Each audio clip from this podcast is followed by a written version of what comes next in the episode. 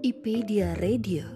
Ini adalah tentang rasa, asa, dan hasrat, mengupas dari sisi yang berbeda, menghadirkan pilihan untuk bisa bersikap, memahami, dan menghargai, mengkritisi tanpa menghakimi.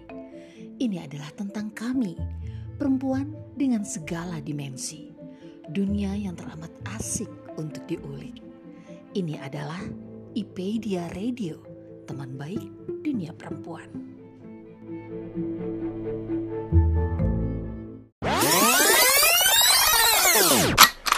Waduh, pertanyaannya ini dalam banget. Ya terakhir itu pas pas dia pasang ventilator itu terakhir. Kalau saya sih suka nulis itu sebenarnya sejak kecil. Uh, saya mau order buat ulang tahun uh, ibunda Bapak Jokowi Februari yang kemarin itu. Itu juga yang dibilang sama ibuku.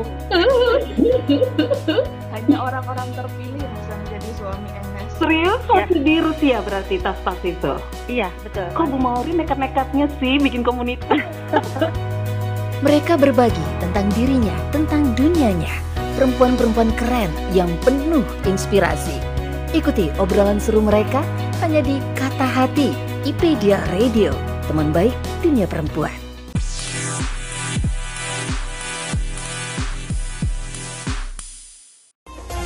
Hai, halo teman baik IPedia Radio. Lebaran sudah di depan mata. Meski tak dapat bertatap muka demi kesehatan dan keselamatan keluarga, mari tetap rayakan hari kemenangan dengan saling mengaturkan maaf, melebur kesalahan. Kami, tim IPedia Radio mengucapkan selamat Hari Raya Idul Fitri, mohon maaf lahir dan batin.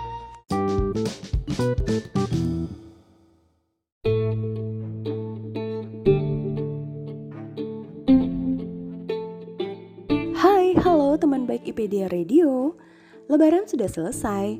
Gimana dengan kondisi keuangan keluarga kalian? Aman terkendali? Atau justru teman baik saat ini sedang merasakan stres? Karena baru menyadari kondisi keuangan keluarga kalian terganggu akibat lebaran kemarin yang menguras biaya yang cukup besar. Seringkali kita melakukan kesalahan tidak melakukan perencanaan keuangan dalam menyambut hari raya. Nah, mari kita simak obrolan seru saya bersama Siva Fadilah, seorang financial planner sekaligus founder manakana.id dalam Kata Hati episode ke-30, Atur Budget Bebas Stres. Bersama saya, Reni Handayani.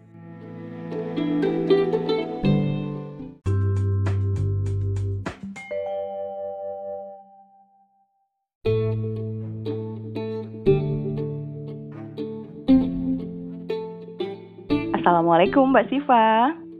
Halo, Waalaikumsalam Mbak Reni. Alhamdulillah akhirnya bisa ngobrol-ngobrol insya Allah ya hari ini bersama Mbak Siva Fadila seorang financial planner ya Mbak ya. Uh, aku tuh paling seneng banget, bersemangat banget kalau udah ngebahas tentang perencanaan keuangan karena bisa langsung bertanya, belajar langsung dari ahlinya. Terima kasih ya sebelumnya Mbak Siva udah bersedia berbincang sama saya di program Kata Hati IPedia Radio selama kurang lebih 30 menit ke depan. Kita ngobrol santai, ngobrol ringan tapi tentunya bermanfaat untuk teman baik IPedia Radio semuanya. Mbak Siva gimana kabarnya nih? Alhamdulillah baik Mbak Reni. Alhamdulillah Mbak Siva di Tangerang ya tinggalnya?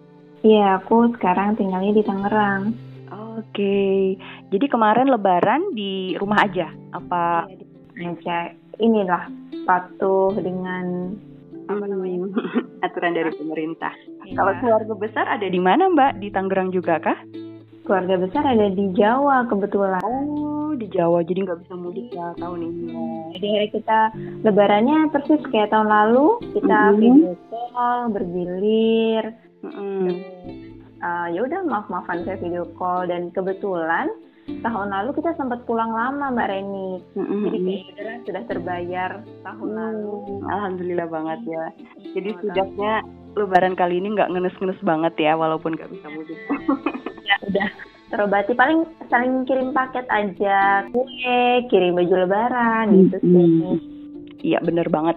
Walaupun kita masih terbatas banget silaturahmi secara offline-nya, alhamdulillah di, masih dimudahkan ya Mbak Siva ya untuk bisa tetap bersilaturahmi, berkirim-kirim hadiah untuk uh, tetap menyemarakkan gitu suasana Lebaran kita.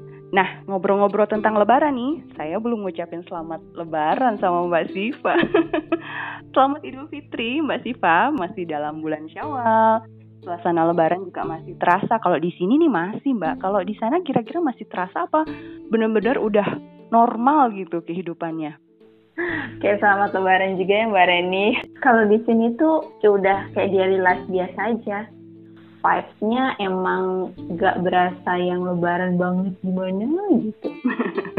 nah, kebalikannya Mbak. Kalau di sini, di tempat saya berdomisili saat ini, itu suasananya Masya Allah masih berasa banget loh. Iya, memaksimalkan syawal ya Mbak Reni. Iya, betul. Dan dan lebarannya itu benar-benar apa ya, ramai tuh. Dan benar-benar si tuan rumah menyajikan um, makanan besar gitu open house tuh yang menjamu bener-bener dan itu menurut saya ya tentunya membutuhkan biaya yang cukup banyak. Nah, saya mau nanya sama Mbak Siva nih, menurut pandangan Mbak Siva sebagai seorang financial planner yang juga merupakan alumni dari Fakultas Ekonomi dan Bisnis Universitas Indonesia, bagaimana nih uh, pandangan Mbak Siva tentang kebiasaan uh, seperti itu gitu yang mungkin habis-habisan atau ya setidaknya perlu dana yang cukup besar gitu untuk mempersiapkan dan menyambut lebaran ini Mbak.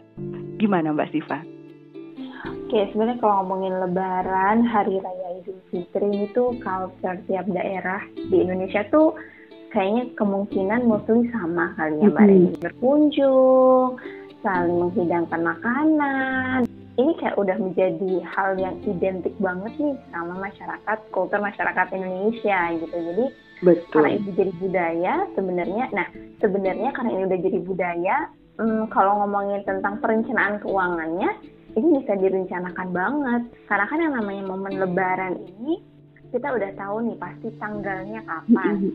Udah kelihatan nih misalkan tahun 2022 tahun depan deh yeah. kan udah ada prediksi ya kira-kira kapan puasanya, kapan lebarannya, dan ngomongin tentang budaya biasanya kan nggak jauh-jauh ya tiap tahun tidak tidak begitu banyak perubahan kan. Iya betul. Jadi kita udah tahu nih apa yang harus kita siapin. Kira-kira berapa ya budgetnya yang harus kita keluarkan. Itu tuh udah udah ada bayangan banget lah ini beda banget sama misalkan kayak keadaan darurat deh apa terjadinya kita nggak tahu berapa biayanya kita nggak tahu tapi ini bisa kita kalkulasi bisa kita hitung.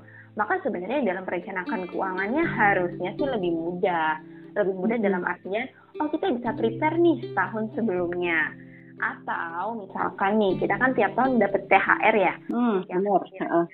menjelang lebaran tuh biasanya dapat THR kita bisa alokasikan untuk kebutuhan hari raya kita Mm-hmm. Bisa kita kita alokasikan untuk oke nih kebutuhan hari raya kita kayak menjamu tamu, lalu mungkin kirim parcel. Sekarang kan karena lagi covid ya, mm-hmm. maka kebutuhan-kebutuhan itu sebenarnya bisa kita alokasikan dari THR yang kita dapat, mm-hmm. gitu mbak. Kalau perencanaan keuangannya ya either dari THR atau ya emang kita tabung misalkan dari misalkan nih wah THR gue kayaknya kurang nih ya kita kurang nih untuk mencukupi kebutuhan hari raya kita oke deh uh, dicicil kita tabung tiap bulan agar nanti ketika hari raya uangnya ada gitu. Dan enggak pakai utang. Nah itu kan yang sebenarnya hmm, iya benar. Penting banget itu ya. Kalau misalkan kita terlalu konsumtif nih tanpa merencanakan keuangan kita tanpa planning dulu tanpa nabung dulu atau mungkin kita alokasi dari THR dulu kita tanpa hitung hitungan dulu nanti ujung-ujungnya harinya ke utang ke pinjol.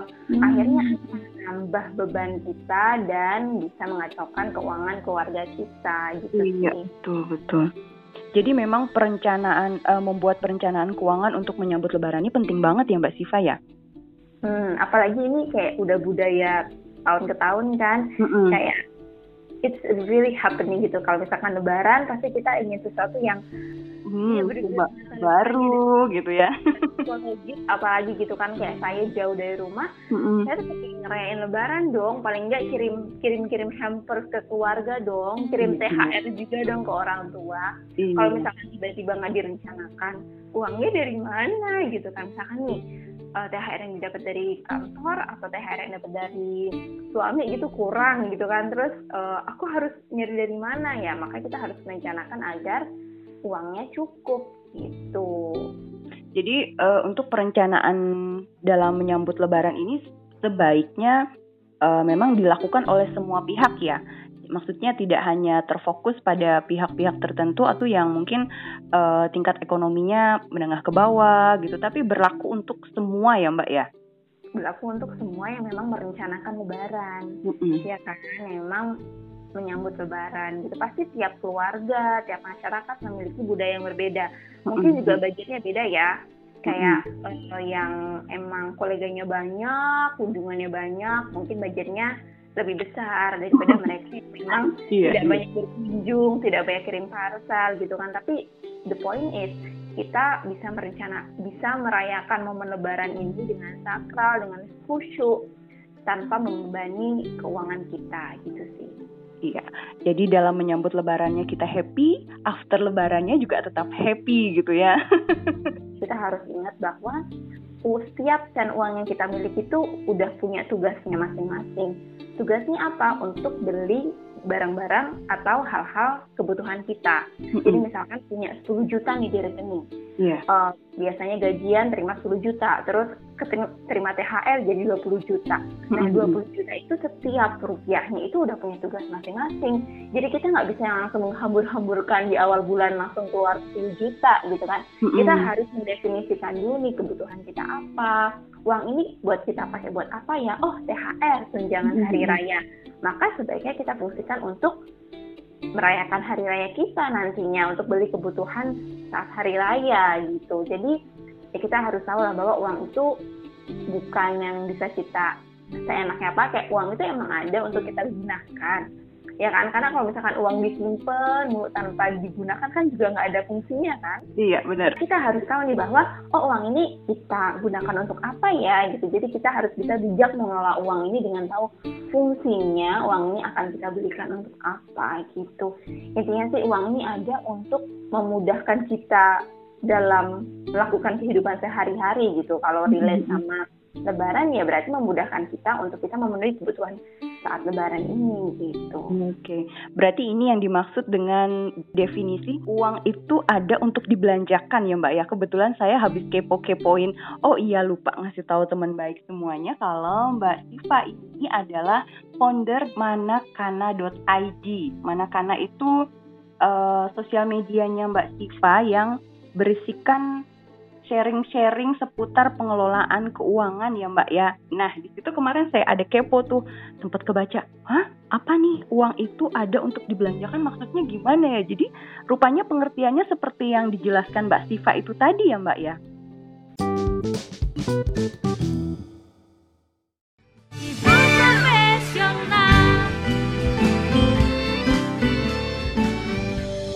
Assalamualaikum warahmatullahi wabarakatuh. Kami keluarga besar mengucapkan Selamat Hari Raya Idul Fitri 1442 Hijriah. Taqabbalallahu minna wa minkum. Taqabbal ya karim. Mohon maaf lahir dan batin. Eid Mubarak. Wir wünschen euch allen ein gesegnetes Tschüsselfest. Leda pangapunten tumekaning batin. Nyuwun panan sami. Ulun minta ampun, minta ridho, berelaan lah. Selamat berkumpul bersama keluarga. Selamat berbahagia bersama. Jangan lupa tetap jaga protokol kesehatan. Di mana pun kita berada, memakai masker, cuci tangan pakai sabun dan air mengalir. Menjaga jarak, menghindari kerumunan, membatasi mobilisasi dan interaksi. Terima kasih telah menyaksikan.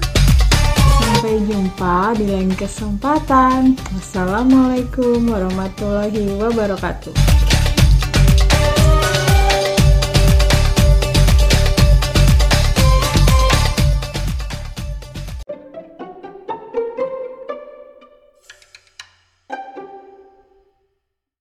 Iya benar. Gitu ya kurang lebih. Jadi ya kalau uang misalkan disimpan terus gitu kan ya buat apa gitu kan. Makanya kita harus benar-benar merencanakan kapan sih kita belanjain uangnya? Di mana sih? Buat apa sih? Nah itu harus benar-benar kita tahu. Tahu fungsinya uang itu mau kita belanjain buat apa dan kapan itu harus kita definisikan dulu. Nah itu part of perencanaan dan pengelolaan keuangan itu seperti itu kurang lebih Hmm, uh, mungkin bisa dikasih gambaran atau contoh sederhana gitu Mbak Siva untuk apa ya penerapan dari definisi uang itu ada untuk dibelanjakan. Nah, itu seperti apa sih prakteknya gitu kan? Kalau melihat kalimatnya aja bisa juga disalahartikan kan? Oh ya ini katanya uang itu untuk dibelanjakan ya nggak masalah dong. Aku habiskan untuk foya-foya kan di, untuk dibelanjakan gitu. Apakah itu benar ataukah itu kurang tepat? Oke, okay, jadi misalkan gini ya. Kalau momen Lebaran deh, momen Lebaran kemarin, mm -hmm. uh, kita butuh apa aja sih? Tadi kalau misalkan Mbak Reni masyarakatnya beli kue lapis gitu kan, misalkan kita butuh uh, berapa kue lapis misalkan 10 kue lapis gitu ya contohnya mm. satu kue lapis harganya katakan 300-400 ribu yeah. which is kita butuh sekitar 3 jutaan untuk beli kue lapis doang mm -hmm. oke okay?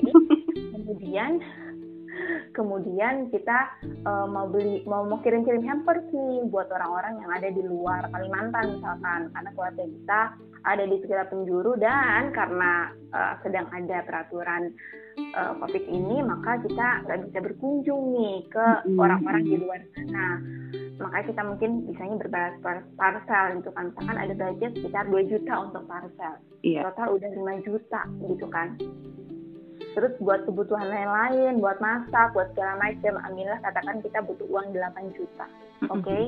kebetulan THR kita cuma ada 5 juta nih. Iya. Yeah. 3 jutanya dari mana? Misalkan kita nabung.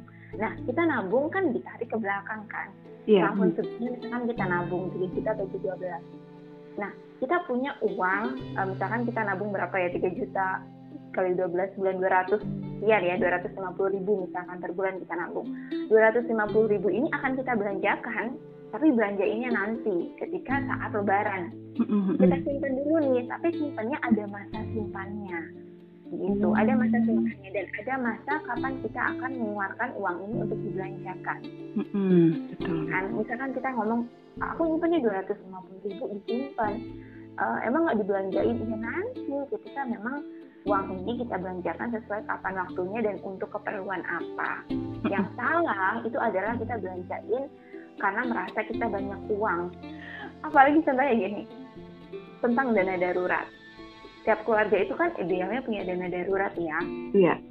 Paling enggak punya sekitar 12 kali pengeluaran bulanan gitu kan. Wow, 12 kali mbak. Benar, idealnya 9 sampai 12 kali pengeluaran bulanan gitu kan. Hmm. Kemudian uh, udah ada nih dana darurat dana darurat itu segitu nih. Wah banyak banget mbak Siva. Misalkan tiap bulan pengeluarannya 10 juta which is harus nabung 120 juta gitu kan. Iya, ya ampun aku baru nabung 20 juta aja udah kepake kemarin.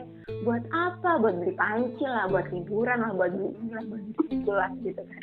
So actually dia nabung tapi ya itu kayak merasa misalkan nih oh ada sale nih ada sale misalkan ada sale uh, barang peralatan rumah tangga baru gitu kan hmm. ada sale oh, lumayan nih kalau nggak beli sekarang kita nggak dapat momen diskonnya apalagi promo-promo tanggal cantik tuh ya mbak ya banyak banget kan biasanya ya Nah, itu kan banyak banget kan promo promo promo tanggal cantik. Misalkan kita udah punya di tabungan kita 20 juta. Kemudian ada tuh menggiurkan kan ada promo ini, promo itu, kita ingin beli akhirnya habis dipakai.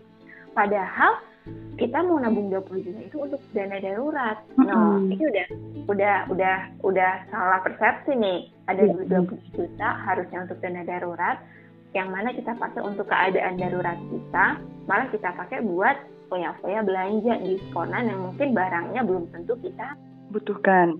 Benar, itu yang kita pakai tapi nggak benar-benar kita butuhkan. Maka ketika kita belanja ini we have to know, kita harus tahu ya uang itu kapan untuk kita belanjakan dan untuk apa fungsinya itu kita harus tahu. Nah ketika nabung ini maka baiknya ya kita tahu nih oh kita nabung untuk tujuan keuangan apa ya misalkan untuk tujuan keuangan lebaran. Mm-hmm. Makanya udah tabungan untuk tujuan keperluan lebaran gitu. Jangan kita pakai untuk misalkan ah oh, pas banget nih aku ada tabungan untuk keperluan lebaran sih tapi kok tiba-tiba ada promo menarik ya aku pakai dulu deh gitu. Terus bulan depannya udah lupa lagi nih untuk nabung lagi. Padahal kan harusnya tabungan itu dipakai untuk hari raya lebaran. Maka di sini yang masalah tentang membelanjakan uang gitu sih mbak Reni. Semoga menjawab ya. menjawab banget. Jadi tentang pengelolaan keuangan keluarga ini tuh sebenarnya uh, waktu yang tepat untuk melakukannya itu kapan sih Mbak Siva? Uh, apakah sejak awal rumah tangga itu dibangun ataukah saat punya kelebihan uang saja atau justru pada saat kita sedang kesulitan keuangan gitu? Oke, kalau ngomongin tentang perencanaan keuangan, selama punya uang maka harus melakukan perencanaan keuangan. Even belum menikah pun, yang single terima gaji gajinya baru satu juta biasanya hmm. untuk melakukan perencanaan keuangan gitu karena kan ngomongin perencanaan keuangan yang diatur uangnya kan. Iya betul. Buat apa? Dan kita hidup tuh nggak cuma sekali nggak cuma untuk hari ini mbak Reni. Kita hidup iya. mungkin beberapa tahun ke depan gitu kan. Maka saat kita hmm. punya uang kita rencanakan.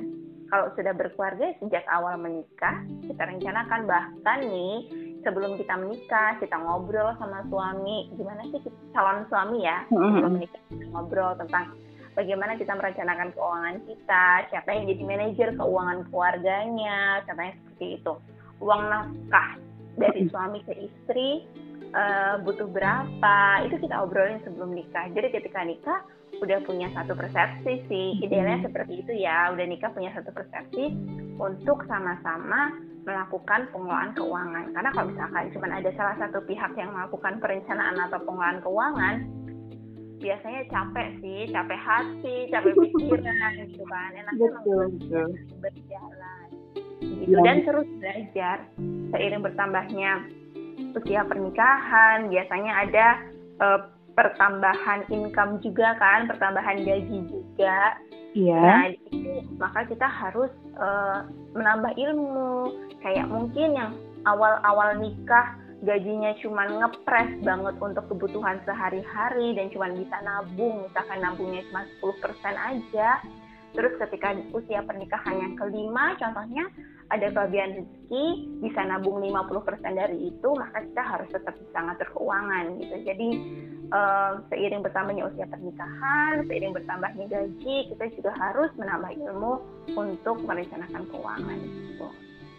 Iya, tapi di Indonesia ini kayaknya menja masih menjadi hal yang tabu ya Mbak ya untuk membicarakan tentang uh, rencana ke depan pengelolaan keuangan keluarga antara ini calon pasangan gitu. Ini nanti malah mikir ini belum jadi istriku aja udah ngebahas-bahas masalah keuangan gitu kan ya. Tapi sebenarnya itu penting banget ya. Bener, itu penting banget karena sebenarnya bukan masalah matre nggak matre ya, tapi tentang hmm urgensinya nih. Apa sih sebenarnya urgensi kita ngomongin perencanaan keuangan? Karena kita hidup butuh yang namanya uang kan ya. Iya, dan kalau kalau menurut aku sendiri uang ini adalah bagian dari rezeki yang Allah kasih ke kita. Wow menarik ya. banget ini.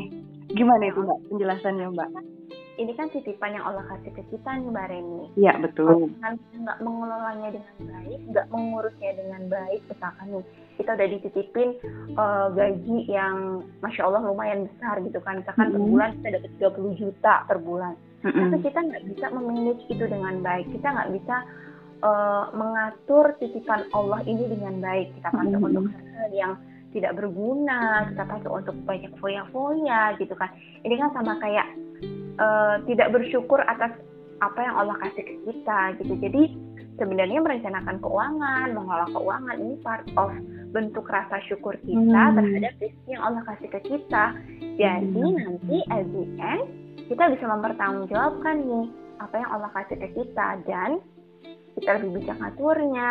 Uang yang kita terima pun itu jadi jauh lebih bermanfaat dan insya Allah bisa menambah pahala buat kita karena kan ini part of ikhtiar kita ya part of bagaimana mm-hmm. kita imani bahwa ya rezeki itu dari Allah dan kita harus bisa mengelolanya gitu sama aja kayak anak deh mbak anak kan titipan dia dari Allah ya kita kan ngurusin yeah. dia membesarkan dia gitu kan kita kasih kasih input yang baik-baik agar dia jadi manusia yang baik. Begitu juga uang yang kita punya. Uang yang kita punya, uang itu kan tadi ya harus dibelanjakan, dibelanjakan dalam bentuk yang baik juga, menambah iya. dibelanjakan juga artinya nggak hanya dibelikan sesuatu atau benda gitu ya mbak ya dibelanjakan di jalan kebaikan sedekah itu juga termasuk dibelanjakan ya? Banget. Gitu salah satunya adalah sedekah. Dan nggak cuma sedekah kan ada uh, misalkan bayar zakat kewajiban kita. misalkan kita mau berwakaf terus kita merencanakan waris untuk anak-anak kita agar anak-anak kita nanti ketika kita meninggal dunia mereka dalam keadaan ekonomi yang baik. Contohnya seperti itu. Ini kan part of perencanaan keuangan kan? Hmm, gitu. Jadi, ya Allah. Ini ternyata pembahasannya ini banget ya. Maksudnya saya kemarin uh, membayangkan pembahasan tentang keuang perencanaan keuangan keluarga itu ya memang mungkin terlalu berfokusnya ke hal-hal duniawi gitu ke kebutuhan duniawi ternyata bisa ini juga ya maksudnya jauh gitu ya Allah masya Allah langsung nyes gitu hatinya itu dengar penjelasan Mbak Siva ini. Assalamualaikum warahmatullahi wabarakatuh. Eid Mubarak. Takobal Allahu minna wa minkum. Ich wünsche euch ein gesegnetes und schönes Edelfitri-Fest. Möge Allah unsere Fasten und alle gute Taten in Ramadan Monat annehmen. Selamat Idul Fitri, mohon maaf lahir dan batin. Salam dari Jerman.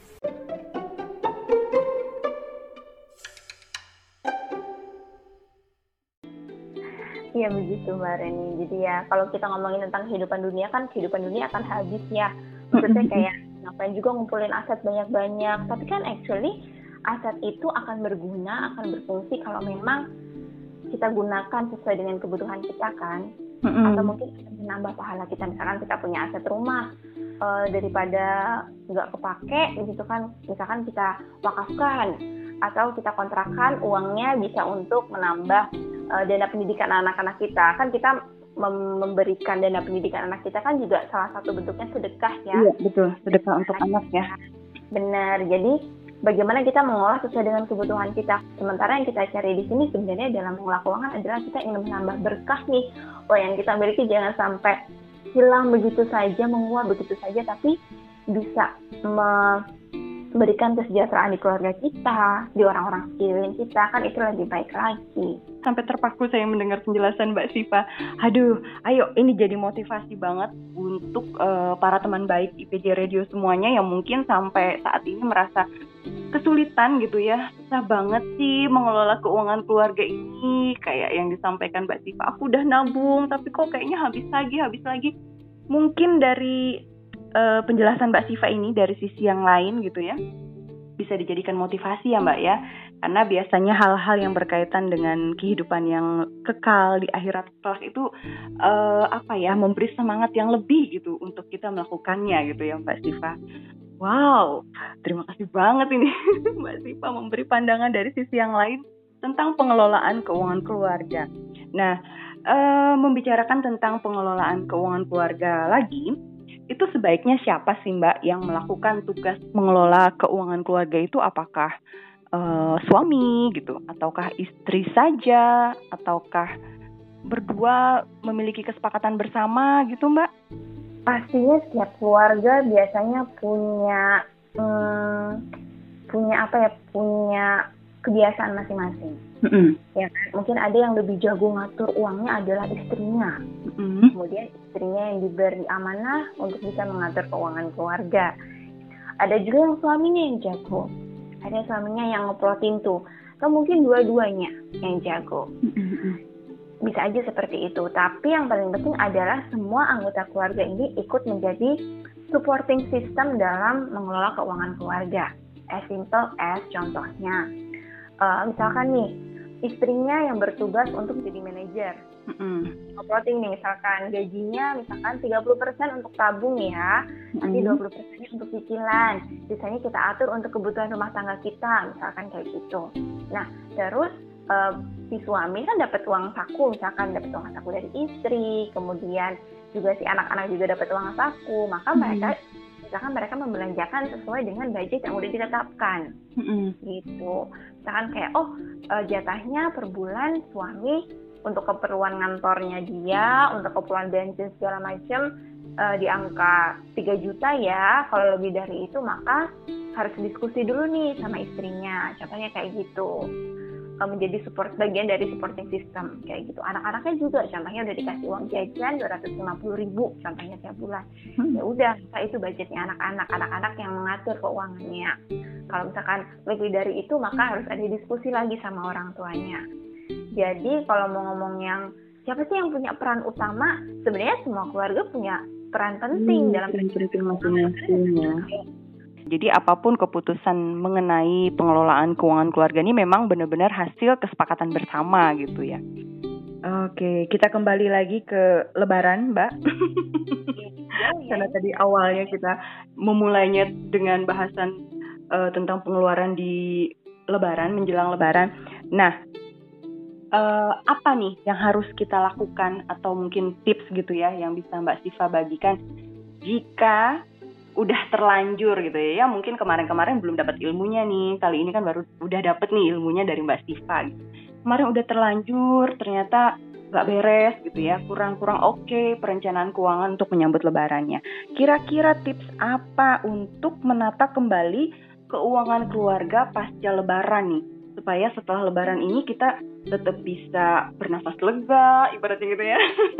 Enggak enggak dirundung dengan stres karena ternyata uh baru sadar pengeluaran lebaran kemarin gede banget atau bahkan ternyata menambah utang untuk lebaran gitu mbak. Oke ini sebenarnya uh, kalau udah terlanjur basah ya terlanjur basah. terlanjur basah.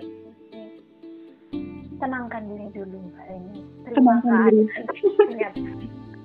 jangan dinayal dulu jangan dinayal maksudnya kayak uh, biasanya kalau orang-orang yang dinayal seperti ini nih. Iya aku bukannya boros tapi emang kebutuhannya segitu. Gimana dong? Nggak bisa dong gitu. Jadi dinayal dulu. Padahal kenyataannya adalah ya emang boros. Dan emang nggak merencanakan keuangan gitu. Maka kita harus terima keadaan dan kenyataan dulu nih bahwa memang kita tidak kurang kurang mempersiapkan uh, keuangan lebaran kita dengan cukup baik itu pertama terus ikhlas aja ikhlas dulu aja ya kalau ternyata emang oh ada utang kemarin uh, akhirnya pakai pay letter contohnya hmm. untuk itu maka kita tata dulu darah hati untuk menerima kenyataan kita ikhlaskan dulu yang sudah berlalu ya kan kita maafkan diri diri sendiri dulu bahwa kita sempat melakukan kesalahan di keuangan kita. Hmm. Nah kalau ternyata dilihat-lihat ada utang, maka di bulan berikutnya saat kita terima uang, kita fokuskan untuk pelan-pelan mencicil utangnya dulu. Hmm. Ya kan? Jangan sampai kita lupa kalau kita punya utang dan lupa untuk nyicil. Ya, tiba-tiba ada promo diskon duitnya harusnya buat nyicil eh malah buat beli panci baru lupa lagi gitu ya mbak ya salah lagi gitu jadi kita harus fokus ke cicilan dulu karena cicilan ini salah satu uh, kewajiban yang harus kita lunasin ya. Iya. Iya kan? Benar karena kebawa sampai mati kan? Uh, kalau misalkan kalau misalkan kita apa namanya punya utang saya mati yang nanggung anak cucu kita juga kebawa gitu kan saya di penghitapan maka dan apalagi ini uh, keterkaitannya dengan pihak ketiga. Pihak ketiga yang punya dana kita utangin pasti mereka kalau nggak dibayar utangnya sedih dong karena kan uangnya juga mau dipakai buat hal lain gitu. Maka iya. kita harus pembayaran cicilan dulu. Kalau misalkan kita pakai dari uang tabungan yang kita gunakan untuk hal lain, contohnya tadi ya kita ngambil dari dana darurat atau kita hmm. ngambil dari dana pendidikan anak kita contohnya iya. atau ngambil dari tabungan apa pun itu maka kita kembalikan lagi tabungannya sesuai dengan kondisi idealnya seperti apa pelan-pelan aja sih nggak usah yang tiba-tiba langsung bulan berikutnya oh, gitu ya harus harus kembali ideal gitu yang yang paling tahu kondisi keuangan kita adalah diri kita dan keluarga kita kita dan suami mm -hmm. gitu maka kita harus hitung lagi kebut yang paling penting adalah cicilan kemudian juga kebutuhan dasar kita kebutuhan hmm. hidup kita dan juga uang tabungan itu gitu hmm. itu yang harus kita penuhi dulu kalau misalkan ada ada kesempatan contohnya ada kesempatan untuk uh, spending lebih ya. Misalkan ada belanja lebih kayak tadi ada promo diskon. Misalkan eh kita pingin banget deh ngincer barang yang udah kita pingin dari lama. Atau pingin tiba-tiba pingin liburan sekeluarga gitu kan. Nambah budget lagi dong nambah ongkos lagi dong. Makanya kita tunda dulu nih hal-hal yang sifatnya keinginan. Iya. kita utamakan dulu kebutuhan kita. Kebutuhan. bayar utang kebutuhan sehari-hari dan juga tadi tabungan masa depan. Itu dulu yang coba kita tutup pelan-pelan aja sih santai tapi serius gitu. Hmm. jangan sampai keulang lagi kejadian yang udah-udah. Nanti nggak selesai-selesai masalahnya malah tambah pusing. Jadi tipsnya dua itu aja mbak. Dua aja ceritanya dua aja tapi penerapannya susah ya. Benar susah sih.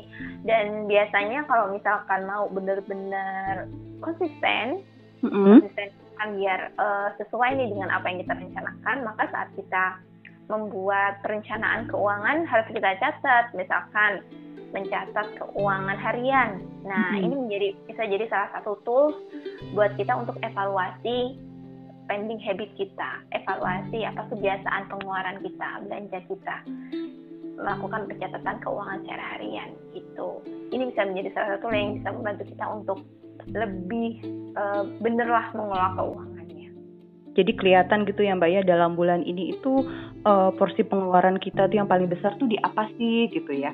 Yang mana sih yang penting, mana yang kira-kira bisa dipangkas atau justru dihilangkan gitu untuk bulan-bulan berikutnya ya Mbak ya.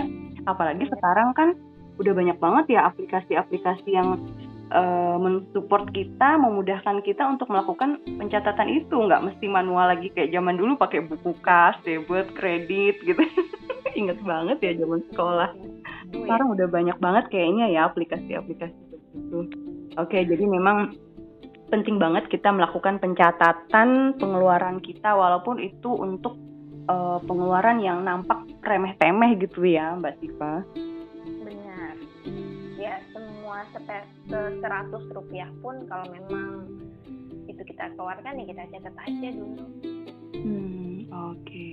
Wah, Mbak Siva, ini obrolan kita menarik banget. Sebenarnya banyak lagi yang pengen saya tanyakan karena kayaknya kalau udah ngebahas tentang keuangan itu seru ya dan pertanyaannya tuh muncul lagi muncul lagi gitu yang selama ini tanpa kita sadari ternyata kita lakukan oh ternyata ini salah ini harusnya begini gitu tapi aduh sayang banget ini Mbak Siva waktu kita sangat-sangat terbatas mudah-mudahan uh, di kesempatan lain kita bisa ngobrol lebih banyak hal lagi tentang uh, keuangan, mungkin investasi, tentang dar dana darurat yang lebih rinci atau apa pun itu ya Mbak Siva. Nah, untuk menutup obrolan kita hari ini, boleh dong Mbak Siva menyampaikan apa ya, wejangan kali ya untuk teman baik IPedia Radio semua yang juga bisa memotivasi supaya bisa semangat melakukan perencanaan keuangan keluarga ke depannya. Oke, okay. um, kalimat motivasi ya, ini aku berasa seperti motivator jadinya Mbak. Iya dong, seorang financial planner itu kan jadi motivator juga gitu. Motivator keuangan ya, oke. Okay. Uh, pertama sih aku mau bilang terima kasih banyak nih buat Mbak Reni yang udah undang aku ngobrol-ngobrol. Sama-sama hari ini terus juga mohon maaf lahir batin buat teman-teman semuanya kalau misalkan sepanjang uh, obrolan kita tadi ada hal-hal yang menyinggung atau hal-hal yang kurang berkenan di hati mm-hmm. kalau misalkan teman-teman mau merencanakan keuangan santai aja nggak usah pusing-pusing. Pertama kita harus niatkan kita harus tahu dulu nih tujuan kita merencanakan keuangan apa. Paling tepat sih kalau menurut saya adalah ya itu tadi hmm, kita merencanakan keuangan adalah bagian dari kita mengatur rezeki yang Allah kasih ke kita. Menjadi tanggung jawab kita terhadap harta yang kita miliki. Jadi kita harus spending atau membelanjakannya ya sesuai dengan kaidah-kaidah atau hukum yang memang sudah ditetapkan oleh Allah gitu kan untuk hal yang baik untuk hal yang memang bermanfaat bagi kita dan juga orang-orang di sekeliling kita. Gitu. Itu dulu sih niat dulu diniatin. Kemudian pelan pelan nggak usah yang sangat ideal banget gitu kan. Contohnya kayak aku harus nabung 50% dari penghasilan aku. Kalau ternyata kuatnya 10% ya udah pelan pelan 10% dulu biasanya nanti kalau udah berhasil ketagihan nambah lagi nambah lagi nambah lagi gitu.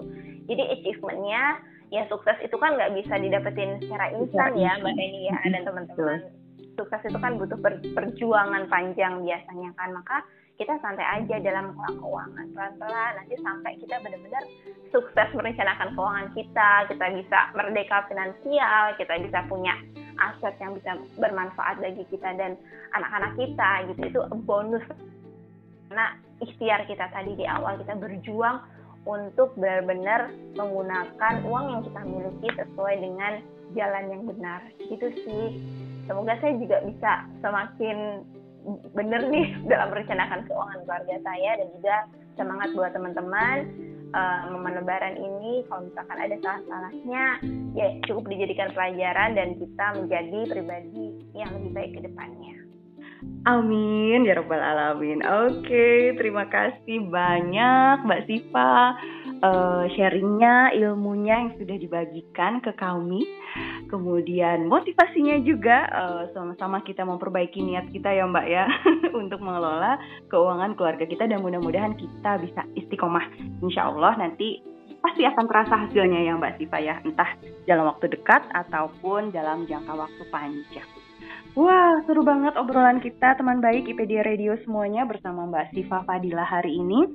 Uh, terima kasih banyak atas perhatian teman baik semuanya. Mohon dimaafkan jika ada hal-hal yang tidak berkenan, jika ada hal-hal yang kurang pas uh, masih dalam suasana lebaran saya Reni Handayani mewakili tim IPD Radio mengucapkan selamat Idul Fitri 1442 Hijriah takabalallahu minna wa minkum minna wa minkum takabal ya karim Oke Mbak Siva kita akhiri obrolan kita hari ini. Terima kasih banyak ya Mbak. Sampai ketemu lagi di program-program IPD Radio lainnya. Assalamualaikum warahmatullahi wabarakatuh. Dadah Mbak Siva Dadah. Terima kasih telah mendengarkan episode kali ini. Tetap stay tune di IPedia Radio, teman baik dunia perempuan.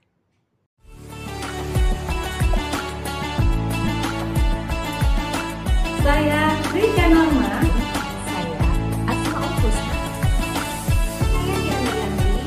Kami tim Berdikari mengucapkan Selamat Hari Raya Idul Fitri 1 Syawal 1442 Hijriah. Taqabbalallahu